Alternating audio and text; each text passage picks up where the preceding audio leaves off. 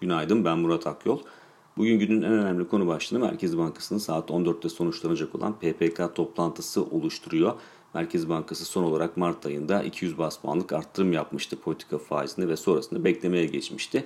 Bugün de Merkez Bankası'nın e, herhangi bir değişiklik yapması beklenmiyor. Özellikle e, TL'deki kırılganlık ve enflasyonun görünümü nedeniyle Merkez Bankası'nın beklemede kalacağı tahmin ediliyor. Tabii faiz kararı kadar e, Merkez Bankası'nın söylemlerinde değişiklik olup olmayacağı da oldukça önemli. Çünkü piyasaların beklentisi bir sonraki adımın faiz indirimi olacağı yönünde. Dolayısıyla söylemlerde oluşabilecek e, farklılıklar e, bu adımın ne zaman gelebileceği konusunda piyasalara fikir verecektir. E, bir sonraki PPK toplantısı 17 Haziran tarihinde gerçekleştirilecek ve o tarihe kadar olan süre zarfında da TL'nin performansı, enflasyonun seyri ve CDS'lerin ortaya koyacağı tablonun Merkez Bankası'nın vereceği kararda belirleyici unsur olarak çalışacağını düşünüyoruz.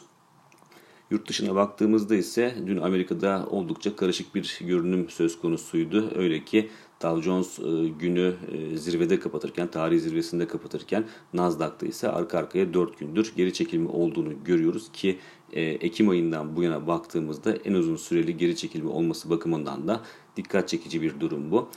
Makroekonomik veri tarafında ise bugün Amerika'da haftalık işsizlik maaşı başvuruları açıklanacak. Günün en önemli verisi aslında bu diyebiliriz. Yarınki tarım dışı istihdam rakamı öncesinde verinin önceki haftaya kıyasla sınırlı oranda geri çekilmesi bekleniyor. Bir sonraki podcast'te görüşmek üzere.